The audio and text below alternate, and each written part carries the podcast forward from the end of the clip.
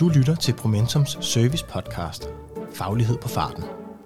Hos Promentum har vi fart på fagligheden, og vi ved godt, at det kan være svært for dig at nå at læse alle de blogs og artikler, vi skriver.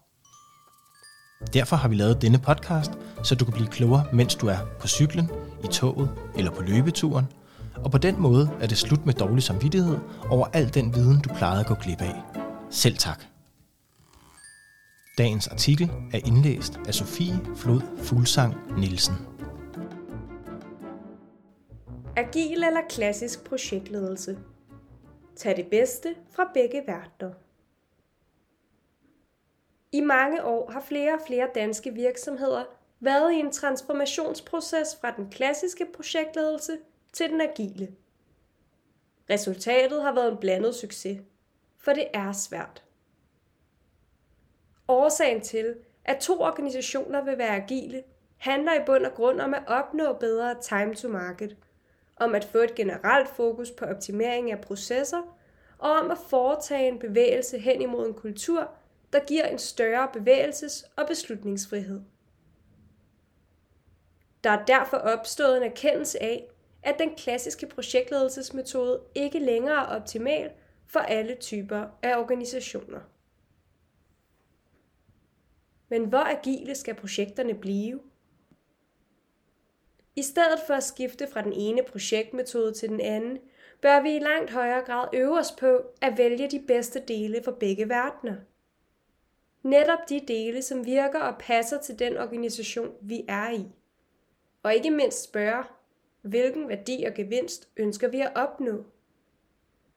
Svaret på, hvor agile vi skal blive, er ikke entydigt.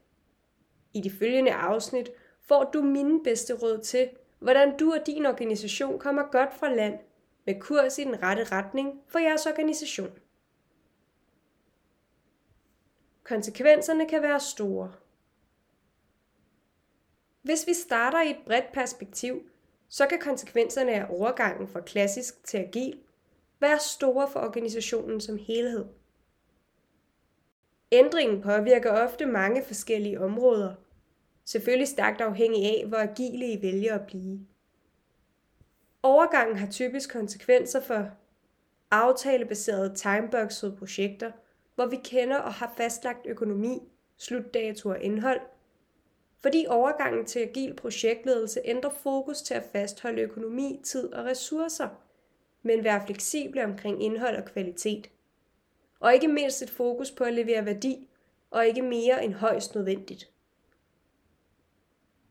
samarbejdspartnere, som måske ikke er begyndt, og som måske heller ikke agter at begynde på den agile rejse, kan overgang også typisk have konsekvenser for. Det kan også have konsekvenser for specialisterne i organisationen, hvis rolle kan ændre sig. I en agil projektledelseskultur skal specialister nemlig udleve deres kompetencer gennem en højere grad af samarbejde, vidensdeling og helst i en high-performance kultur. Det kan også have konsekvenser for graden af dokumentation, fordi krav til hvor meget og hvad der skal dokumenteres skal justeres til den nye arbejdsmetode.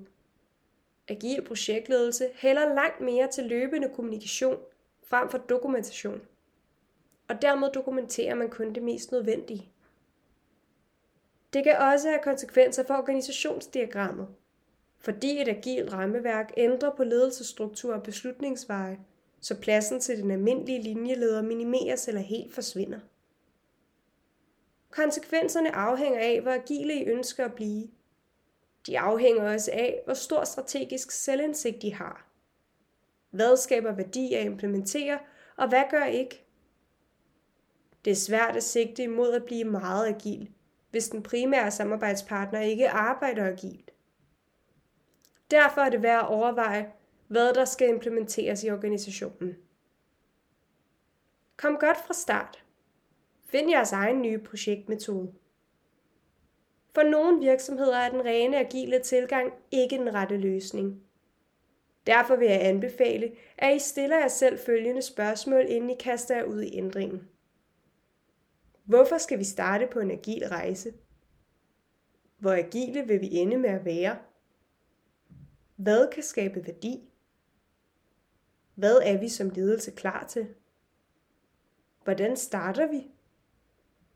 Har vi ressourcer til at hjælpe med en transformation, uanset størrelse?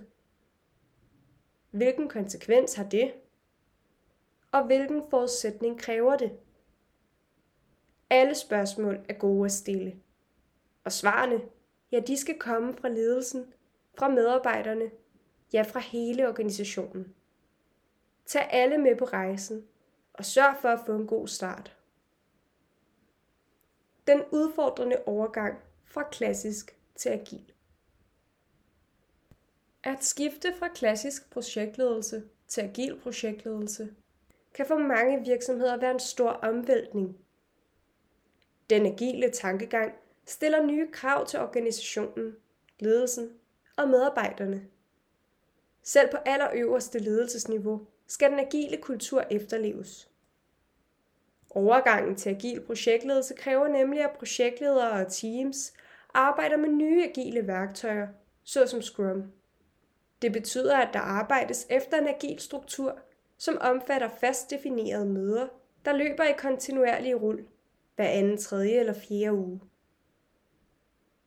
Det er skillset, der skal læres, forstås, accepteres og anvendes af alle i organisationen. Bevægelsen væk fra den klassiske projektmetode, hvor takten er præget af at gøre alt færdigt, før man bevæger sig til næste led, og først til sidst leverer en løsning, bliver i den grad i den agile tilgang afløst af et skillset, hvor man arbejder på delleverancer og leverer løbende. Det handler i bund og grund om at etablere en kultur, hvor det overordnede mål er klart, men hvor planlægning sker undervejs, og hvor ændringer, behov og ønsker er velkomne inden for målet. For det andet kræver agil projektledelse et nyt mindset. Og det er klart den sværeste del i transformationen. I den agile verden er manifestet øverste led. Det agile manifest er en erstatning for den dokumenterede proces af, hvordan projektet skal styres, som typisk ses i klassisk projektledelse. Baggrunden for det agile manifest er individer og interaktioner frem for processer og værktøjer, fungerende software frem for omfattende dokumentation, kundesamarbejde frem for kontraktforhandling og reaktion på ændringer frem for at følge en plan. Manifestet er øverste led i agil projektledelse. Det er en definition af værdier, der skal efterleves. Hvordan de efterleves, det er op til den enkelte organisation. Men det er vigtigt, at der bliver defineret en række principper for, hvordan de fire værdier skal efterleves. Og arbejde endelig denne øvelse på tværs af organisationen, så alle er involveret. Det betyder, at alle, medarbejdere og ledelse som direktion, skal ændre måden, de tænker og agerer på i forhold til, hvordan et projekt skal gennemføres.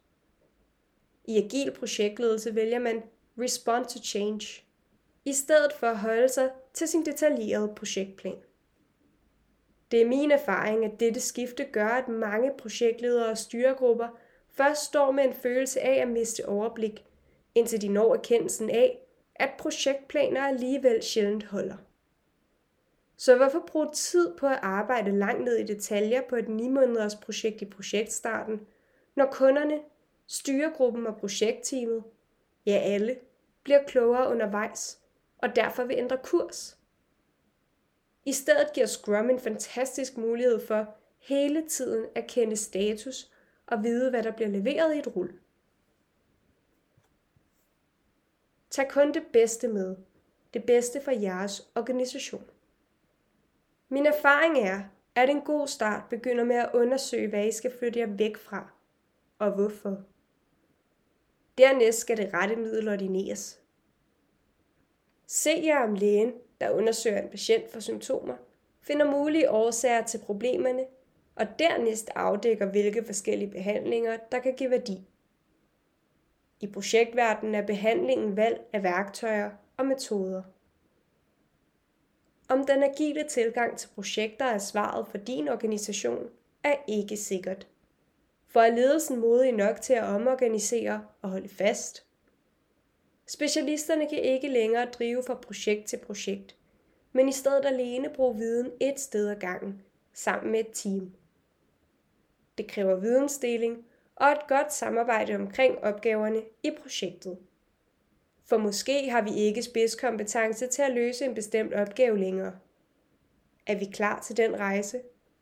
Og vil det skabe den rette værdi?